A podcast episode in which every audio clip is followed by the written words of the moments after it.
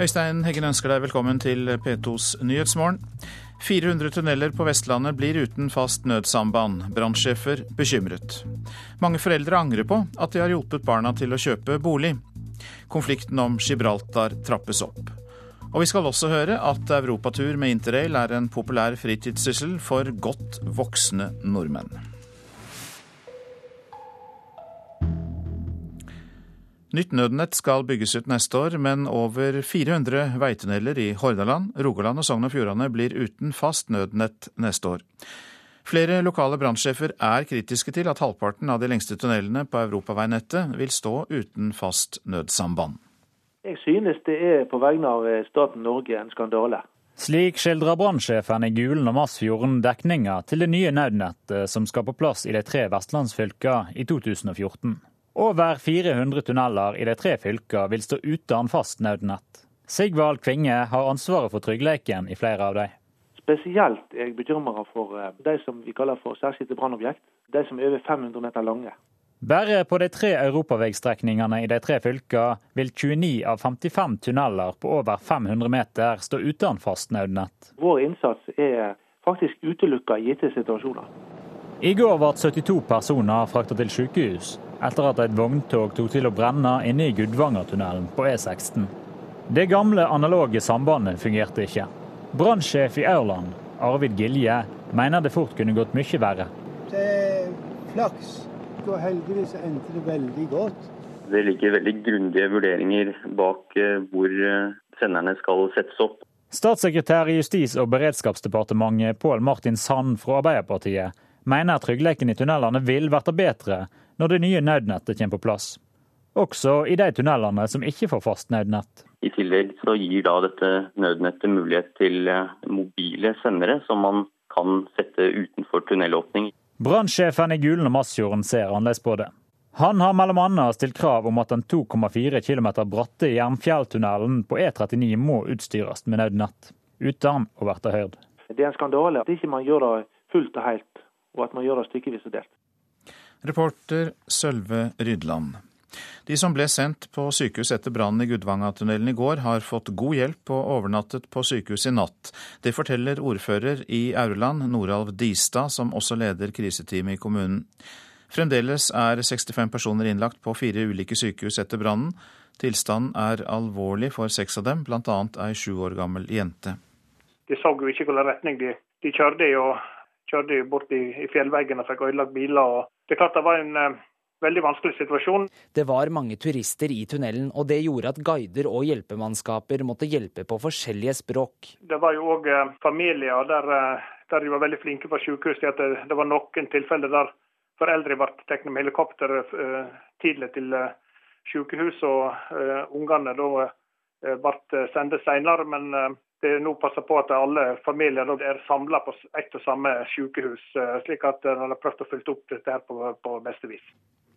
Reporter Torkjell Trædal. Langt fra alle foreldre er glade for at de hjalp barna sine med å kjøpe bolig. Det viser en undersøkelse gjort av Sparebank1 SMN. Strenge krav fra, til egenkapital gjør at flere foreldre blir bedt om å hjelpe til økonomisk. 23 år gamle Eline Marie Strøm er på jakt etter sin første egne bolig, med god hjelp fra mor og far. En eh, veldig arealeffektiv toromsleilighet på 24 kvadratmeter. Akkurat ferdig med studiene og klar for sin helt egen bolig. Eline Marie er på visning på en toromsleilighet i Oslo sentrum. Veldig fin. Ikke for stort og ikke for lite. Men 23-åringen, som er mellomst i søskenflokken på tre, oppfyller ikke kravet til 15% egenkapital.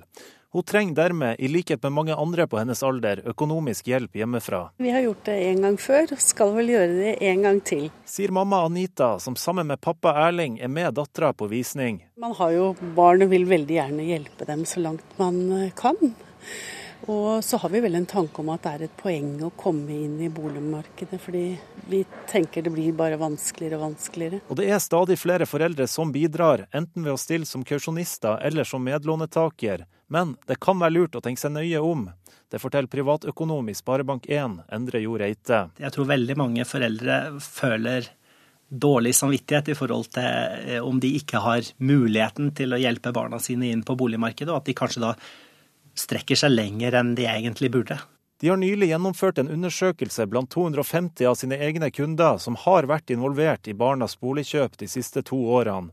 Der sier én av sju at de angrer på hjelpa. Blant annet er de skuffa over barnas evne til å ta ansvar, og sier de bekymrer seg mer for egen økonomi nå. Man kommer inn i en prosess hvor man sier seg villig til å stille sikkerhet for barna, og så går budrunden av gårde. Eh, og så får man telefonsamtaler om 50 000 til eller 20 000 til, og så er det veldig vanskelig å si stopp. Og det kan bli en hvilepute for barna, med en forbrukerøkonom i Nordea, Kristine Warloe. Man har hørt så mye om hvor vanskelig det er å komme inn i boligmarkedet, så er det fort gjort at man kanskje resignerer. Eh, og sånn sett da støtter seg veldig på at foreldrene skal hjelpe. Derfor bør de heller motivere til sparing, mener hun og sier gode hensikter kan gå ut over egne behov. Det kan være at man selv skal gå med pensjon, det kan være at man ønsker å flytte selv eller ta opp mer lån. Og det at man da har hjulpet barna inn i boligmarkedet, det kan faktisk sette en stopper for de planene man opprinnelig hadde.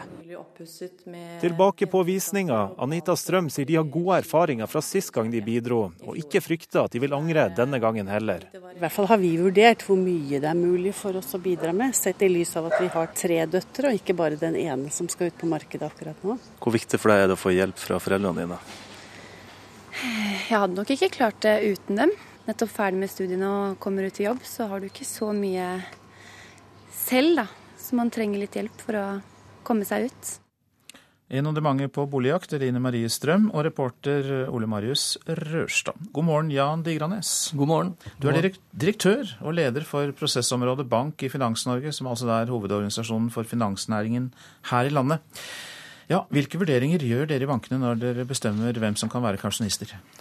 Det er eh, strenge formalitetskrav i lovverket til hva man eh, skal informere om, og det er strenge krav til den økonomien som de som skal være kausjonister eller eh, medlåntakere skal ha. Og det er jo slik at de, de må ha, ha, en bolig som ikke er opplånt. De kan ikke ha betalingsanmerkninger, og de må ha en inntekt som står i forhold til den gjeldsforpliktelsen de da påtar seg. fordi at når du er med som kausjonist eller medlåntaker, så er du delansvarlig for denne gjelden. Er det mange som ikke når gjennom nåløyet? Nei, det, det, tror jeg ikke. Vi har, vi har, ikke tall på det, men det virker som om man, når man har gjort det valget og sier at man skal være med på dette, så har man også en rimelig god økonomi. Ja, det er jo hyggelig at foreldrene vil være kausjonister, men hva bør de være obs på kan skje? Det du skal være oppmerksom på, er at du, du, må passe på at den du hjelper, er realistisk i forhold til låneopptak og, og den boligen man skal kjøpe. Og, og, du blir involvert i barnas økonomi. Altså Loven sier at som, som medlåntaker eller kausjonist så skal du ha informasjon om, om, nedbetaling, og du skal ha informasjon om alle endringer. Mm. Og det har du kanskje ikke tenkt på, at du, du, blir så involvert i dette her. Og det er også, som ble pekt på i innslaget her, at du, du kan få begrensninger i din egen økonomiske situasjon fordi at du, du bruker av dine egne verdier til å hjelpe dine barn fremfor å, å gjøre egne ting. Altså Mange kunne jo tenke seg å å investere i en hytte, kanskje. Kanskje de har tenkt å gå tidlig av som pensjonister og har lagt opp et økonomisk løp for det. Og da, og da får dette konsekvenser. Men nå er jo situasjonen i boligmarkedet sånn at de aller, eller svært mange unge må ha hjelp, faktisk. Mellom 30 og 40 må det. Og i pressområdene, sånn som i Oslo, så har vi tall som viser at det er så mye som 60 har vært avhengig av hjelp fra foreldrene for å kunne komme inn. Et flertall må faktisk ha hjelp av foreldrene i Oslo? Et flertall i Oslo må mm. faktisk ha den. Og dette har vel da økt eh, i og med at eh, det er høyere priser og strammere lånevilkår? Ja, det, det har jo blitt strammet til med egenkapitalkravene. Det, har, eh, det, er knapphet på små boliger som passer for unge mennesker, sånn som i dette eksempelet med en, en liten toromsleilighet.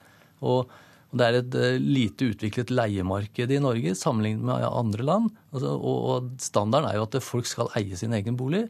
Og da skal du klare å kjøpe den, og da må du ha god, god inntekt for å betjene lånet, og du må ha egenkapital, og du må ha god sikkerhet.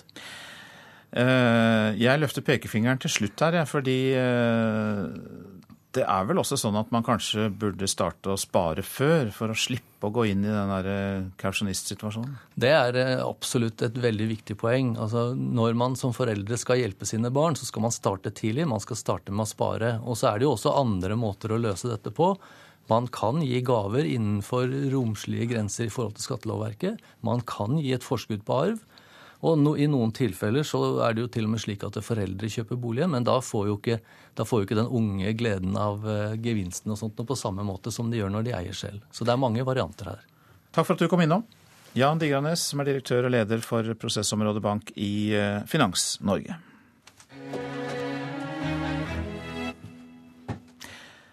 Forslaget om å grunnfeste likestilling av nynorsk og bokmål får mager politisk støtte. Det var Senterpartileder Liv Signe Navarsete som kom med dette utspillet på Ivar Aasens 200-årsdag i går.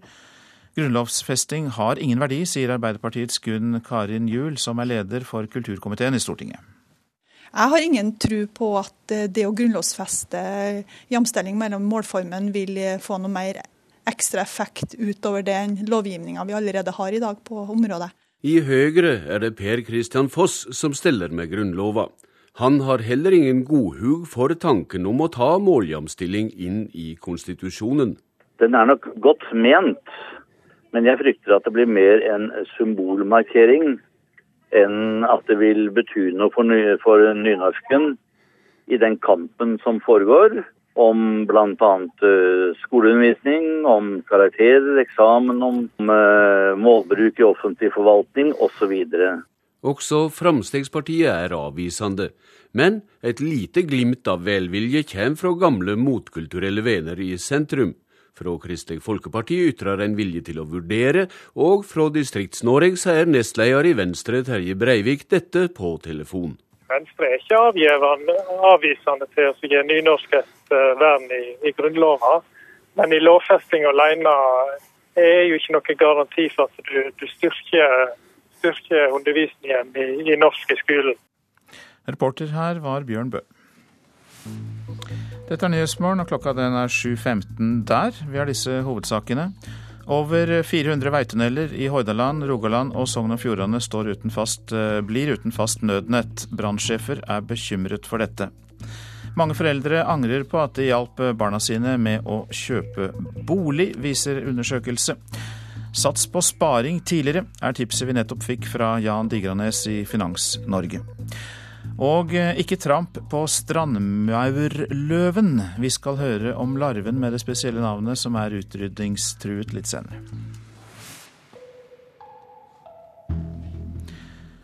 Nå om den internasjonale terroralarmen. USA og flere vestlige land, blant dem Norge, har stengt ambassader av frykt for et angrep. Grunnen eh, til den høye beredskapen er en samtale mellom to Al Qaida-ledere som er snappet opp av amerikansk etterretning. Sissel Wold, utenriksmedarbeider, du vet mer om dette. Hva sa disse to? Ja, det er avisen New York Times som kan avsløre at Al Qaida-leder Ayman Zawahri, eller Zawahiri, gav ordrer til lederen for Al Qaida i Jemen, Nasser al-Waishi, om at han eller hans gruppe skulle utføre et angrep sist søndag, altså i forgårs. Eh, USAs etterretning mener at disse terrorplanene er de mest alvorlige siden 11.9.2011. Eh, Men til amerikanernes frustrasjon så er det ikke noe Eh, konkrete eh, opplysninger i disse planene. De vet ikke hvor eller når man skulle angripe. De to som snakket sammen, er ingen hvem som helst i terrorverdenen, om man kan si det sånn. Sawahri er Osama bin Ladens etterfølger og lederen for Al Qaida på den arabiske halvøya, altså i Jemen. Waishi er også en kjent størrelse.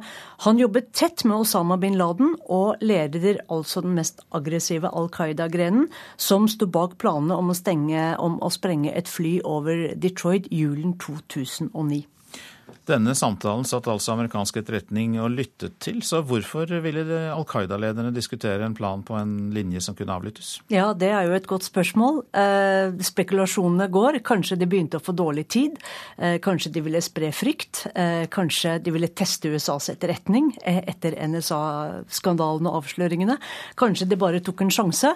Dette er spekulasjoner analytikere og forskere diskuterer nå. Takk for at du følger med på dette for oss, utenriksmedarbeider eh, Sissel Wold. Konflikten om Gibraltar trappes opp. Eh, konflikten mellom Spania og Storbritannia kan minne om striden rundt Falklandsøyene, sier Gibraltars sjefsminister etter den krasse ordkrigen med naboen Spania om det drøyt sju kvadratkilometer store området under britisk herredømme.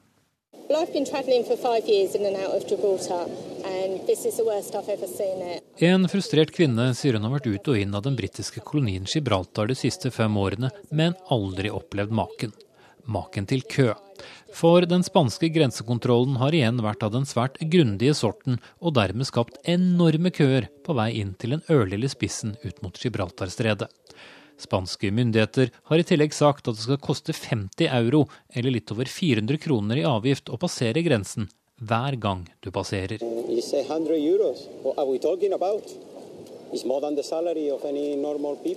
Med 100 euro i avgift hver dag er det knapt noe igjen av lønningene, sier en oppgitt arbeider i gårsdagens sju timer lange kø. Gibraltars sjefminister Fabian Picardo har sammenlignet Spanias oppførsel med et av verdens verste militærregimer.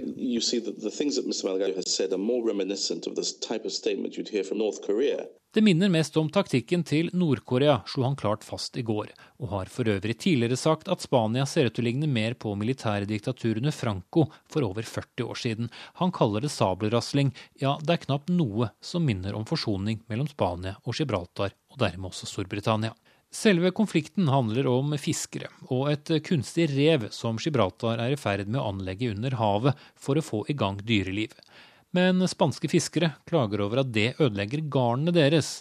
Nå begynner konflikten å få likhetstrekk med Falklandskonflikten, sier sjefministeren på den sju kvadratkilometer store steinrøysa i forlengelsen av den spanske sørkysten.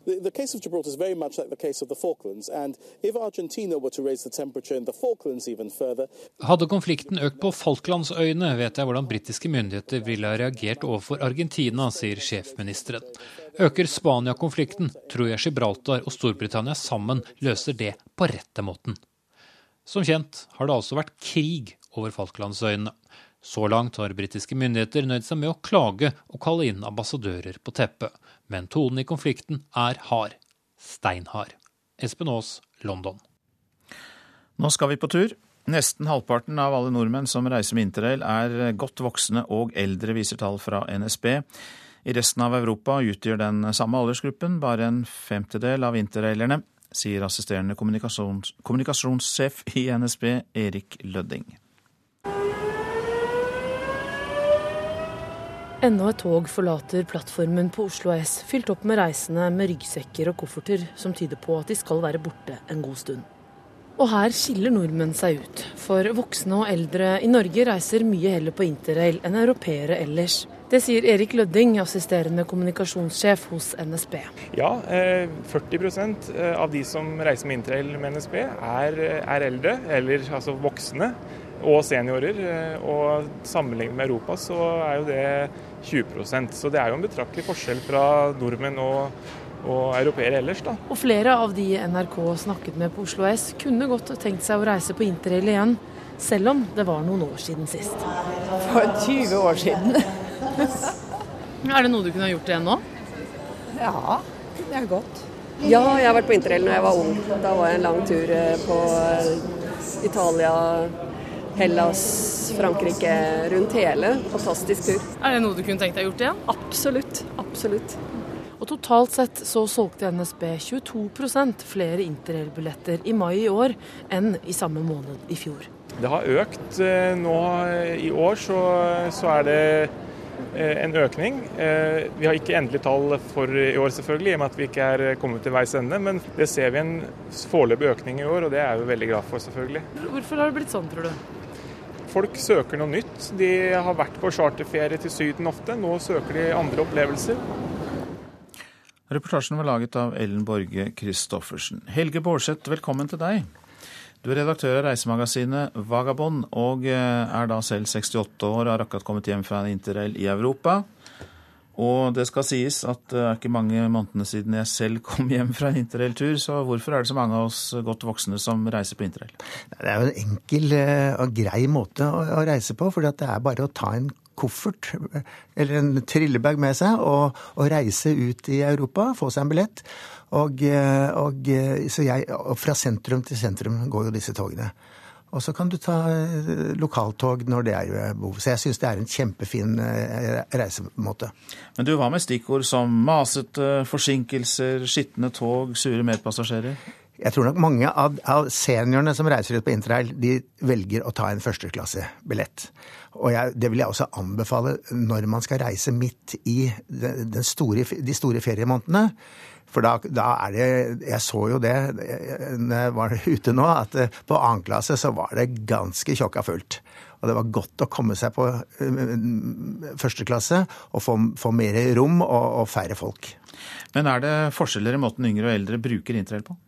Nei, men jeg tror mange nå altså, dette her med interrailbilletten det er blitt en enklere løsning når det gjelder soneinndeling, og, og, og, og, det er gått tilbake til det gamle systemet. Og det tror jeg er en del av uh, årsaken til at det er blitt mer populært. Men jeg tror også det er flyene som gjør at interrailbilletten er blitt mer populær. Fordi ja, at, ja. sånn som jeg gjorde nå, jeg fant en rimelig flybillett ned til NIS. Og, eh, og, og, så hadde jeg en uke til disposisjon, og så brukte jeg den uken til å komme meg hjem med tog. Jeg tror ikke jeg hadde eh, syntes det vært så eh, attraktivt å reise tur-retur NIS. Da hadde liksom togreisen tatt for mye av det hele. Nå er det dette med seniorrabatt også for de som er over 60 år. Er det rett og rimelig at de får rabatt på dette produktet? Mange av dem sitter jo godt i det økonomisk.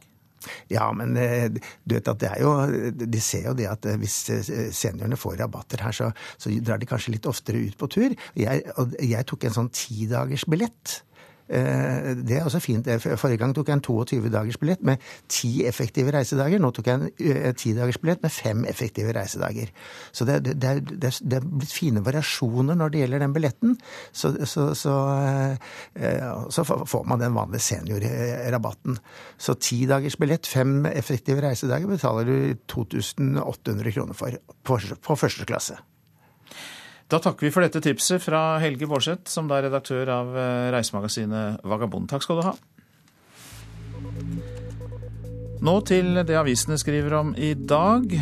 Røykdykkerleder Reinhard Sørensen og hans kolleger er på forsiden av Bergens Tidende. Heltene berget 25 liv, skriver avisa. Inne i Gudvangatunnelen fant røykdykkerne fortvilte busspassasjerer og fikk alle ut i live. Fanget én eh, time i dødsangst, forteller et ektepar til eh, VG. De var omgitt av sort røyk før hjelpen kom. De takker redningsmannskapene, som også klarte å holde liv i de to hundene deres. Motoren eksploderte, skal den polske trailersjåføren ha sagt til en kollega på telefon fra Haukeland sykehus. Dagbladet skriver at det bare tok få minutter før motoren sto i full fyr. Adresseavisen forteller om Alva på fem år som må starte på skolen mot foreldrenes vilje. Hun har Downs syndrom og motoriske ferdigheter og språkforståelse som en treåring. Kommunen krever skolestart nå, mens foreldrene mener Alva har mye å vinne på å vente. Flere får nullskatt med ny regjering, er oppslaget i Klassekampen. Fremskrittspartiets eh, Ketil Solvik-Olsen mener Høyres forslag gir større lettelser til de rikeste enn Frp er villig til. Høyres Jan Tore Sanner sier at Høyres modell ikke gjør de mest velstående til nullskattytere. Forvirringen er total, sier SV-leder Audun Lysbakken til avisa. De rød-grønne dropper felles valgkamp, er oppslaget i Aftenposten. Valgstrategene vurderer det som negativt å bli sett for mye sammen. De rød-grønne partiene sto skulder ved skulder under valgkampene i 2005 og 2009.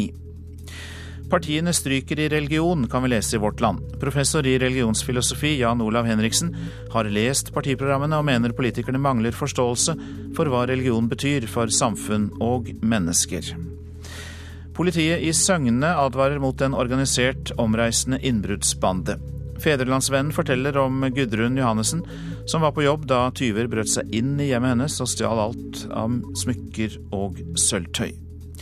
Kjøpte hus fullt av mugg, forteller Dagsavisen om en familie i Nedre Eiker i Buskerud. Ett av fire boligkjøp ender i konflikt. Til et bilde av saftige elgburgere skriver Nasjonen at storvilt blir småskalamat. Bedriften Max Ivan startet i en garasje i Eidskog i Hedmark. Nå produserer den 35 000 elgprodukter i året, og altså blant dem elgburgere.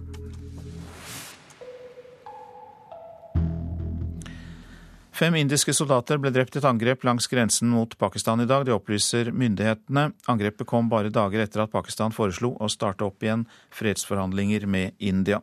Det er ikke kjent hvem som sto bak angrepet. Sørvest i Pakistan ble 22 arbeidere bortført i, av en opprørsgruppe i dag. 14 av dem ble drept, opplyser lokale myndigheter. Angrepet skjedde i den urolige Balukistan-provinsen. Så noe ganske annet. Ordføreren på Hvaler frykter at den sterkt truede strandmaurløven skal trampes i hjel. Nå ber han publikum være ekstra på vakt overfor denne sjeldne løven som kjemper om livet i Nord-Europa. Nå skal vi se etter noen små kremmerhus. Eh, her. Der. Det er lett å tråkke på strandmaurløvens jaktplass i den fine sanden i Ørekroken på Hvaler. Men ordfører Eivind Nordmann Borge vet hvordan han skal finne de små hullene i sanden. Den er veldig liten, men eh, et farlig uhyre for små maur og insekter der. Larven bor i sanddyner som her i Ytre Hvaler nasjonalpark. Områder som ofte blir brukt til badestrender og friluftsaktivitet. Strandmaurløven er blant våre største nettvinger, men skiller seg ut med sine klubber ytterst på antennene. Som Afrikas løver har den en stor kjeve, men det hjelper lite mot våre føtter. En skal være litt oppmerksom på at en ikke skal få for mye mennesker til å gå og se etter disse strandmaurløvene òg, for de er eh, nå veldig utsatte.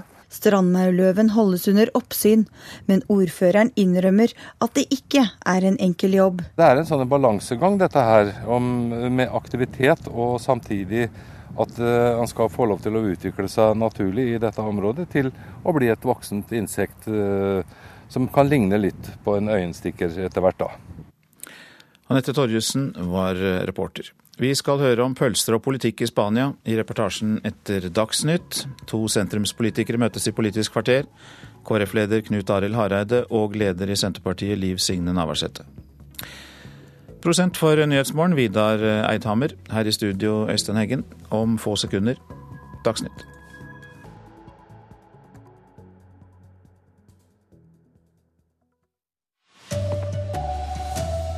Nødsambandet fungerte ikke i Gudvangatunnelen i går. Brannmannskapene måtte bruke mobiltelefon og walkietalkies.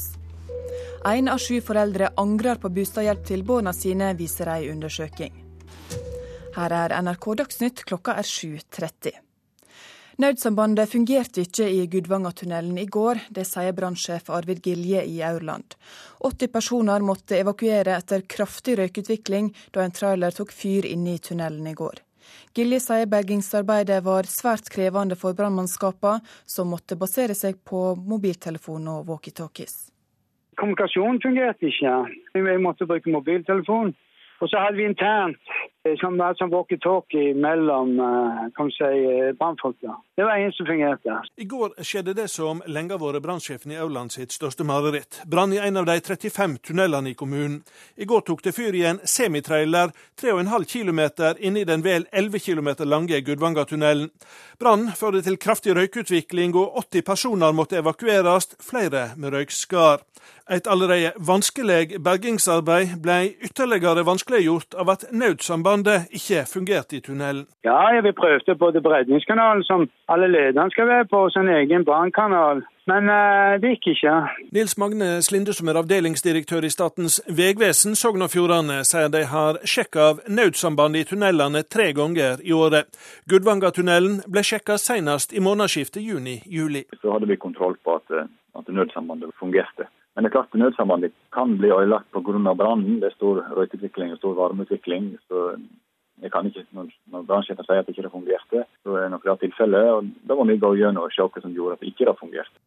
Reporter var Per Kristian Grimeland. Og over 400 veitunneler i Hordaland, Rogaland og Sogn og Fjordane vil stå uten nødnett.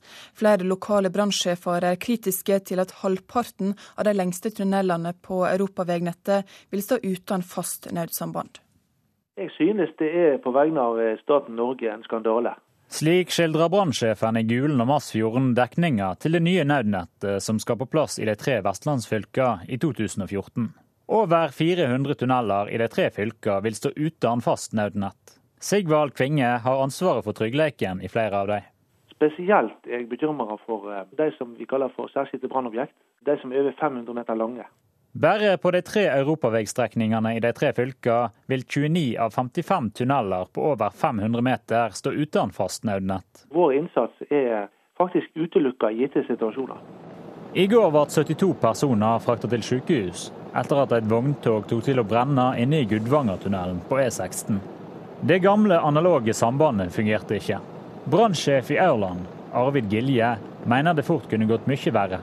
Det er flaks og heldigvis endte det veldig godt. Det ligger veldig grundige vurderinger bak eh, hvor eh, senderne skal settes opp. Statssekretær i Justis- og beredskapsdepartementet Pål Martin Sand fra Arbeiderpartiet mener tryggheten i tunnelene vil bli bedre når det nye nødnettet kommer på plass. Også i de tunnelene som ikke får fast nødnett. I tillegg så gir da dette nødnettet mulighet til eh, mobile sendere som man kan sette utenfor tunnelåpning. Gudvangatunnelen er en av tunnelene som vil få faste nødnett. Reporter var Sølve Rydland. Uten å vite hva som møtte dem, rygga brannmann Reinhard Sørensen og kollegene inn i Gudvangatunnelen i går, der en trailer sto i full fyr.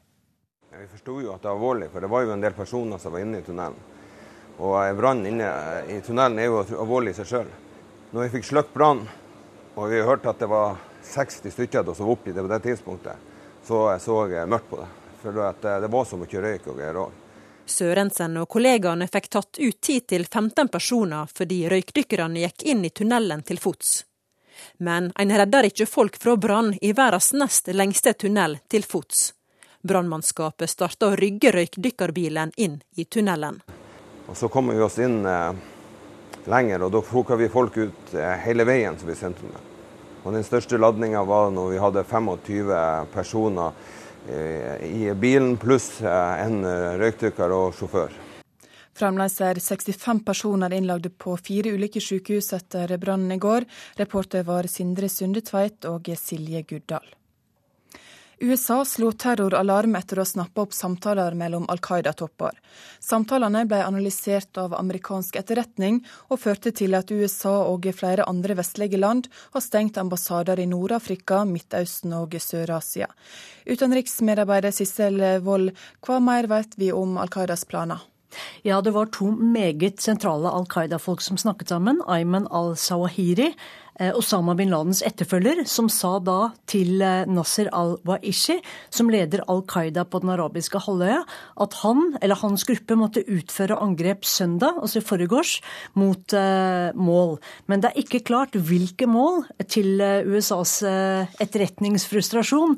Ikke hvilke mål eller hva slags angrep. Det er New York Times som har fått denne informasjonen fra anonyme kilder i USAs etterretning. Hvordan kunne disse lederne snakke på linje som ble avlytta? Ja, Det er jo et interessant spørsmål.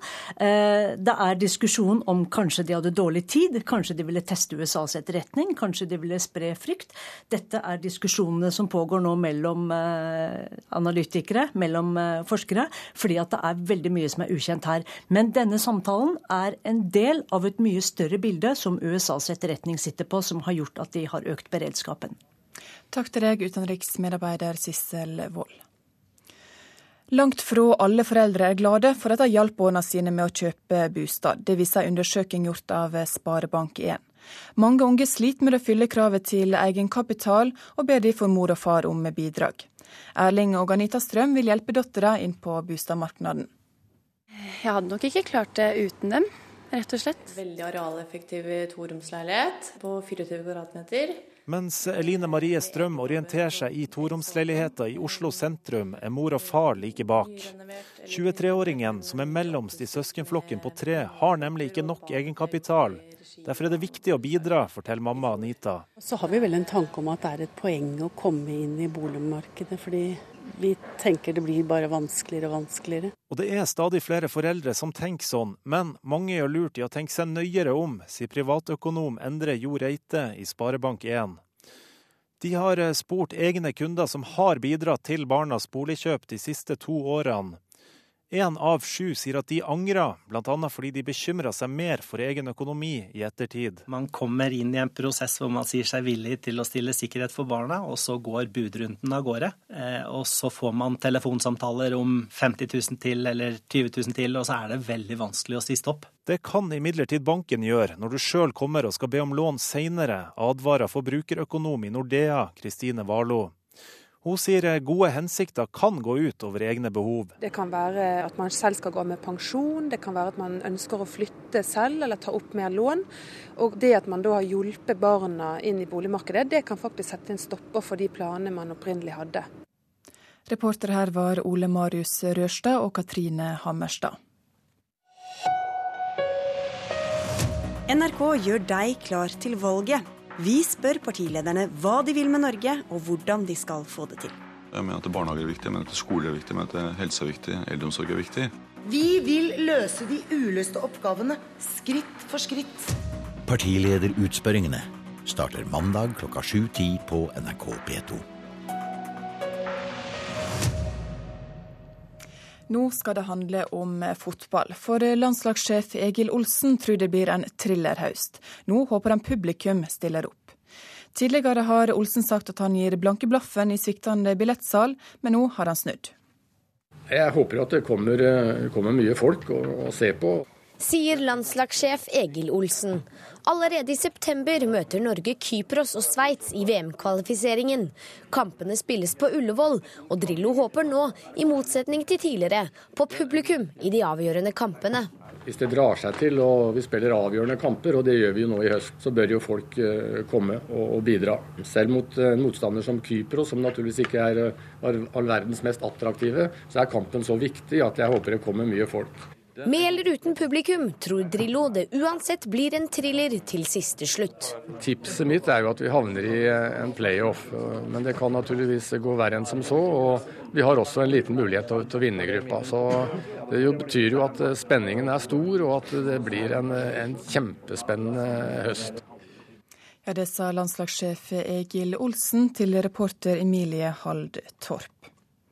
Ansvarlig for denne dagsnyttsendinga er Bjørn Christian Jacobsen. Det tekniske ansvaret har Frode Thorshaug. Mitt navn er Ingvild Ryssdal.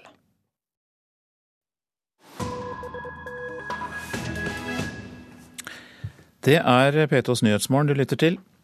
Ifølge den tyske statsmannen Otto von Bismarck er det to ting her i verden man helst ikke vil vite hvordan lages. Pølser og politikk. Nettopp disse to produktene er blitt gjenstand for store protester i Spania. Korrupsjonsanklagene hagler mot spanske politikere, og navnet på nasjonalpølsa brukes som skjellsord. Den er tykk, rød, oljete og krydret, og henger fra taket i lange remser. Den spanske paprikapølsa, chorizo iberico, er en favoritt blant både turister og spanjoler selv. There's chorizo, which is the Spanish sausage, which made with uh, Spanish paprika and is extremely delicious. It's kind of spicy breakfast sausage. You easily ground it up. It's really good. Like chorizo. Men kaller du en spanjol for chorizo, må du passe deg. For da kan du lett få en på trynet. But it's also a word for thieves in Spanish. En som stjeler, er en chorizo. Chorizo er en tyv. Sist uke måtte statsminister Mariano Rajoy møte i parlamentet for å forklare seg om de utstrakte korrupsjonsanklagene mot ham selv og regjeringspartiet Partido Popular. Og blant spanjoler som demonstrerer på gater og torg, finner vi dansende røde pølser. Og ropene Chorizo. Kassereren i Partido Popular, Luis Barcenas, er hovedmannen bak korrupsjonsskandalen. Og dermed, ifølge folk på gata i Madrid, den største chorizoen av dem alle. Både bankansatte og regjeringsfolk har fått navnet klistret på seg. Ja, til og med kongens svigersønn, som anklages for storstilt underslag og hvitvasking, må innfinne seg med å bli kalt for en pølse. Urdangarin er vår stjernesandwich, sier Raquel, eieren av baren Los Tres Cerditos Ibericos, eller De tre iberiske små griser, i Madrid, om chorizo-sandwichen som har fått navn etter hertugen av Palma de Mallorca. Han har tatt penger som ikke var sine. Det er klart vi måtte kalle opp chorizo-sandwichen etter ham, sier Raquel. Ifølge språkforsker Leonardo Gomez Torrego kommer ordet fra calo, språket til romfolket på den iberiske halvøy. En chori er en tyv. Chorar er å stjele, forteller han. José Maria er slakter i Madrid. Han mener ordet har sin helt logiske forklaring.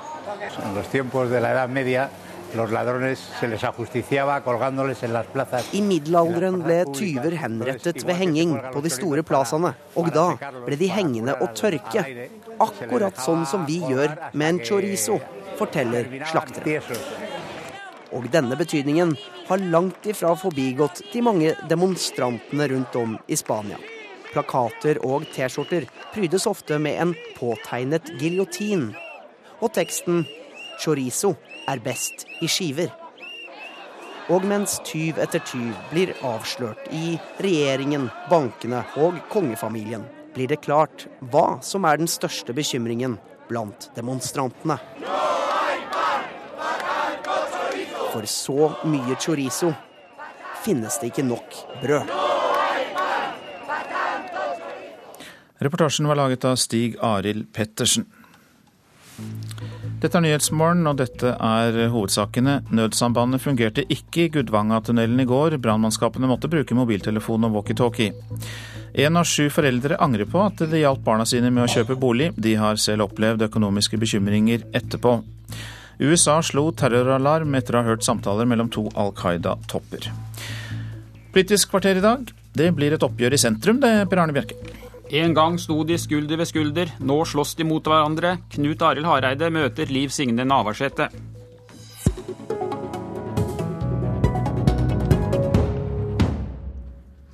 Leder i Kristelig Folkeparti, Knut Arild Hareide. Hvilket parti har KrF mest til felles med? Senterpartiet eller Fremskrittspartiet? Det er nok Senterpartiet. Vi har samarbeida godt med Senterpartiet i, i, regjering tidligere, og vi er to sentrumsparti begge to. Og jeg tror at både Senterpartiet og KrF har gjort veldig mye for uh, Distrikts-Norge, for landbruk, for frivilligheten, for å bygge et samfunn nedenfra. Men hvis du har mest til felles med Senterpartiet, hvorfor åpner du da regjeringsdørene for Fremskrittspartiet og Siv Jensen? Ja, Det er jo fordi at vi ønsker at det nå skal komme en ny regjering etter åtte år med rød-grønt styre. Og vi vet jo det at de rød-grønne har nå styrt i åtte år, og de har sagt at deres plan det er fortsatt rød-grønt flertall etter valget i september.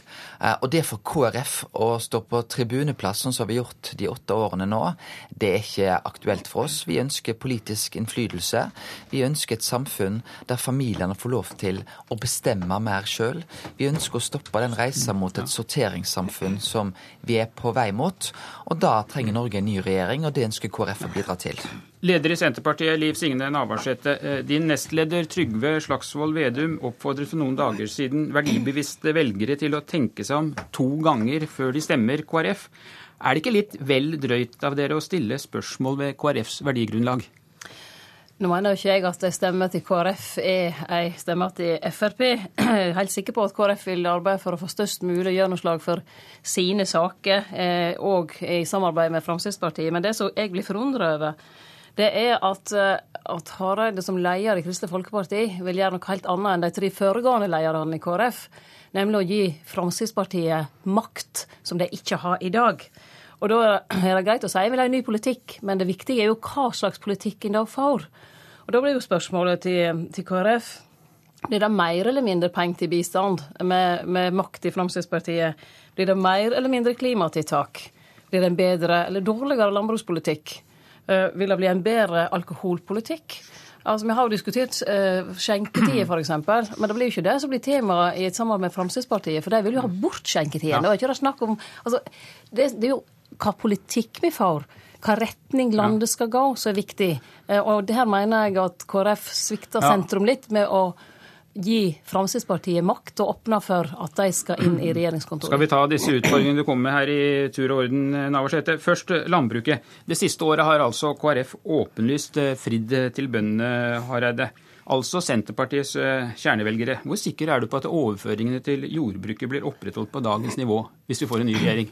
Ja, Det KrF har gjort det siste året, er å fortelle om vår landbrukspolitikk. Ja, Men hvor sikker er du på at det, at det blir opprettholdt? Ja, det, er, det har jo jeg vært ute og sagt veldig tydelig på, at det ikke er aktuelt for KrF eh, å selge landbrukspolitikken sin for svarte limousinbiler i regjering.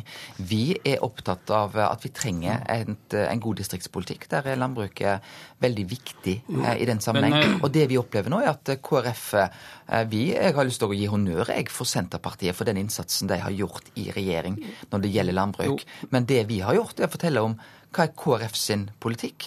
Og det jeg opplever nå, er at eh, de som er i landbruket, gir veldig mye honnør til KrF.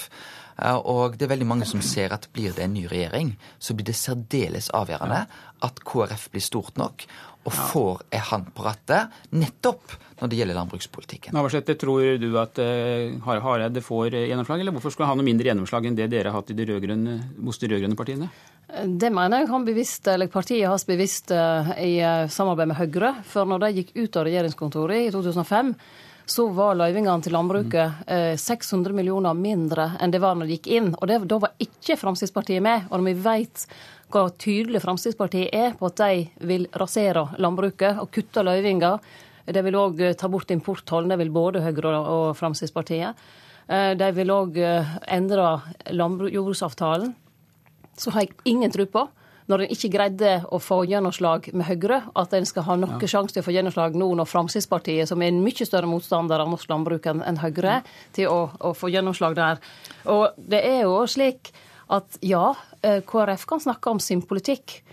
Det kan vi gjøre òg. Hvis Senterpartiet hadde sittet alene i regjering, eh, så hadde nok landbrukspolitikken vært enda noen hakk, ganske mange hakk mer offensiv.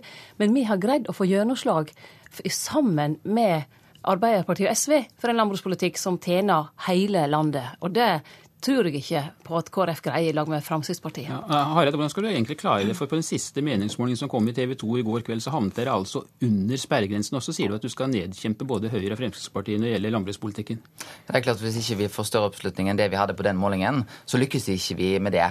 Men jeg har lyst til å si at vi lå svært dårlig på den målingen òg før sommeren. Og vi har et gjennomsnitt som lå på, For det kommer ti målinger hver eneste måned. Og på gjennomsnitt den måneden så lå vi da opp mot Men eh, valgresultatet da, som vi hadde hvordan skal du da overbevise Siv Jensen om at du skal opprettholde milliardoverføringene til landbruket? Ja, Det er jo klart at vi er nødt til å sette dette inn som en sak som vi prioriterer. Og jeg har lyst til å si at Da vi satt i Bondevik II-regjeringa Husk at den regjeringa som sitter nå, da de overtok, så var det altså et handlingsrom. De begynte altså med et statsbudsjett på 650 milliarder. Nå er det altså på over 1060 milliarder. Altså tidenes økonomiske handlingsrom. Og sammenligner vi det KrF hadde med det handlingsrommet vi hadde, der vi både hadde Kåre Gjønnes som landbruksminister og under Bondevik II, så har vi prioritert landbrukspolitikken, og det må vi òg vise at vi, vi gjør framover. Men det er klart at når, vi, når, når Senterpartiet utfordrer oss på alkoholpolitikk, så syns Ja, jeg men det nå snakker vi litt landbruk først. Liv Signe Navarsete, du sitter og smiler her. Ja, for dette er de vanlige unnskyldningene. Fordi, og, og både jeg og Knut Arild Hareide og folk der ute vet at når det kommer til hælinga, så blir ikke det landbruk som blir viktigste for KrF. Det vil være bistand.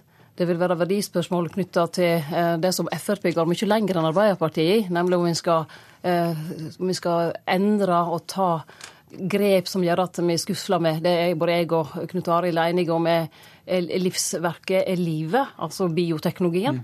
Det vil være bistand, og det vil være alkoholpolitikk, der de virkelig skal få bryn- bryne seg på Fremskrittspartiet. Og Da tror jeg landbrukspolitikken kommer langt ned på lista over de sakene som, som KrF må prioritere i sin politikk. Ja. skal vi ta alkoholpolitikken, Hareide. Hvordan tror du at du skal få en strengere skjenkepolitikk og en strengere alkoholpolitikk i samarbeid med Høyre og Fremskrittspartiet? Ja, Det er jo eh, en viktig sak for KrF at vi greier å opprettholde Vinmonopolet. Uh, vinmonopolet som er på en måte selve den sosiale rammen rundt vår Men Du vil jo samarbeide med partier som vil ha billigere sprit? Ja, jeg har lyst til å si at Fremskrittspartiet var jo òg ute når Senterpartiet hadde dette angrepet mot KrF. Så var de òg ute og sa at alkoholpolitikken er ikke den viktigste saken for Fremskrittspartiet. Det var en tydelig konsesjon til KrF. Men det som jeg opplever spesielt, er når Senterpartiet går ut og kritiserer og sier at en stemme på KrF er ikke en stemme på en god alkoholpolitikk politikk. Det er direkte feil. Eh, når òg Senterpartiet har vært ute to ganger og lovt at regjeringen skulle redusere skjenketida fra klokka tre til klokka to. Ingenting har skjedd. To ganger har Senterpartiet lovt det nå de siste fire årene. Vi har en ruspolitikk der det står mange tusen i kø for å få et rusbehandlingstilbud. Eh, og så vet vi at regjeringa i realiteten er med på å legge ned frivillig ideelle tilbud. Og så skal vi da oppleve at Senterpartiet står og kritiserer KrF. Og jeg opplever egentlig at det Liv Signe Navarsete nå er jo en tilbaketrekking. Fordi hun begynte jo denne sendinga å si at en, en stemme på KrF er ikke noen stemme på Frp. Og det har altså vært det eh, Senterpartiet har sagt nå de siste altså, Hva har dere egentlig fått til dere når det gjelder alkoholpolitikken? Har ikke Hareide et poeng her? Nei, her har han iallfall ikke et poeng. Eh, vi har auka alkoholavgiftene med 10, cirka, mer enn 10% siden 2009. Eh, KrF de kutta i alkoholavgiftene når de i sin regjeringstid med Høyre. De innførte rusbrus, så vidt jeg husker. Eh, og, og, i det bildet så blir jo på en måte skjenketiden eh, Ja, vi, har, vi, ønsker å redusere skjenketiden. Det har vi ikke fått til så langt. Men Fremskrittspartiet vil jo ha de bort. Altså Det er jo snakk om her om en skal barbere seg eller skjære av seg haka.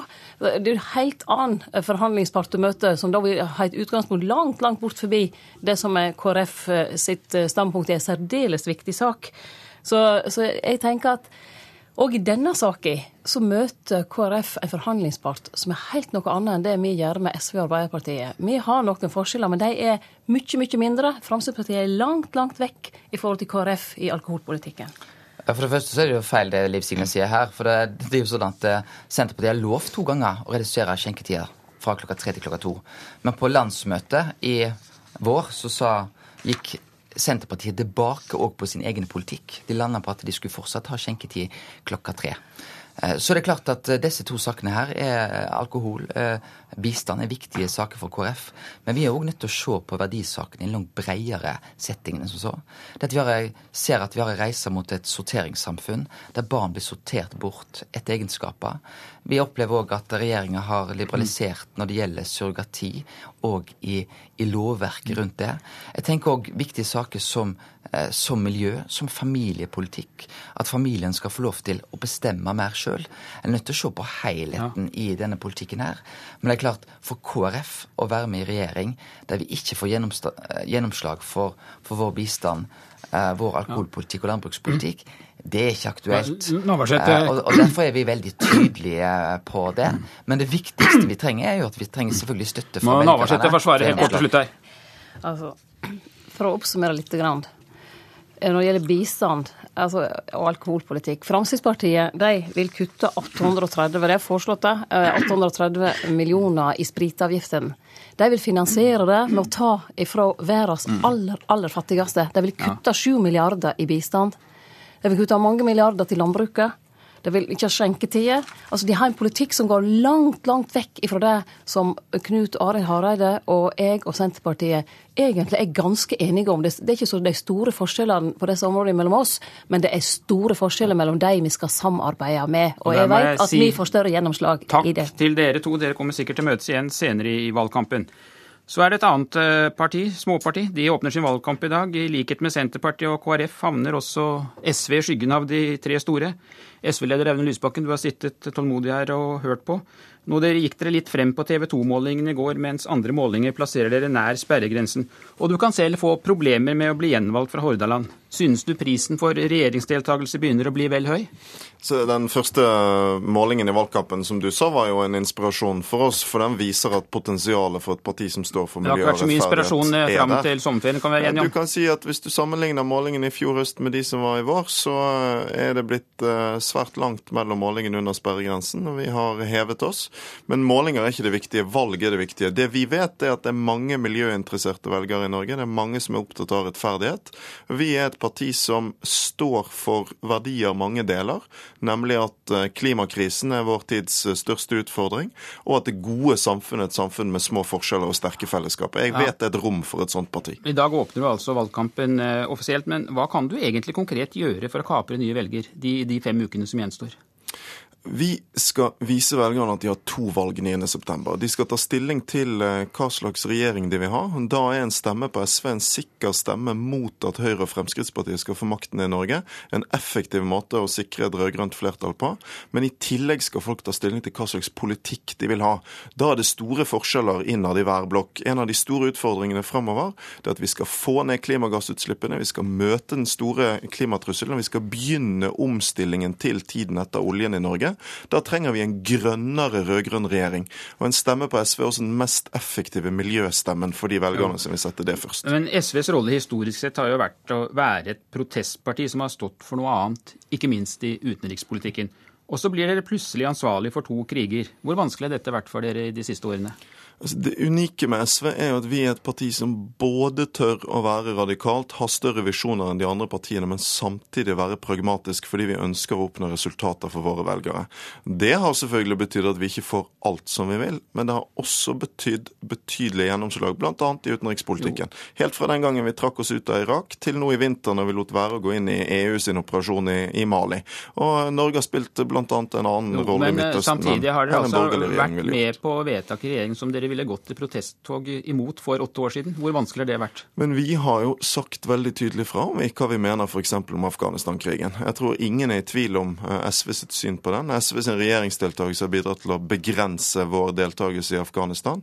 Samtidig så ville det være feil å si fra oss all innflytelse i norsk politikk fordi vi var det eneste partiet på Stortinget som var mot den krigen. Tvert imot så har vi både, som vi alltid har gjort gjennom hele vår historie, vært en tydelig pådriver i debatten om disse spørsmålene, en tydelig motstander av krigen, men samtidig brukt den innflytelsen vi kan, bl.a. til å vende norsk utenrikspolitikk i en annen retning enn den USA vil, og samtidig påvirke det norske samfunnet i retning lavere forskjeller, sterkere fellesskap og en bedre miljøpolitikk. Takk skal du ha, leder i SV Audun Lysbakken. Du får gå og åpne valgkampen din, og så får vi se åssen det går om fem uker. Og det var Politisk kvarter med Per Arne Bjerke her i studio.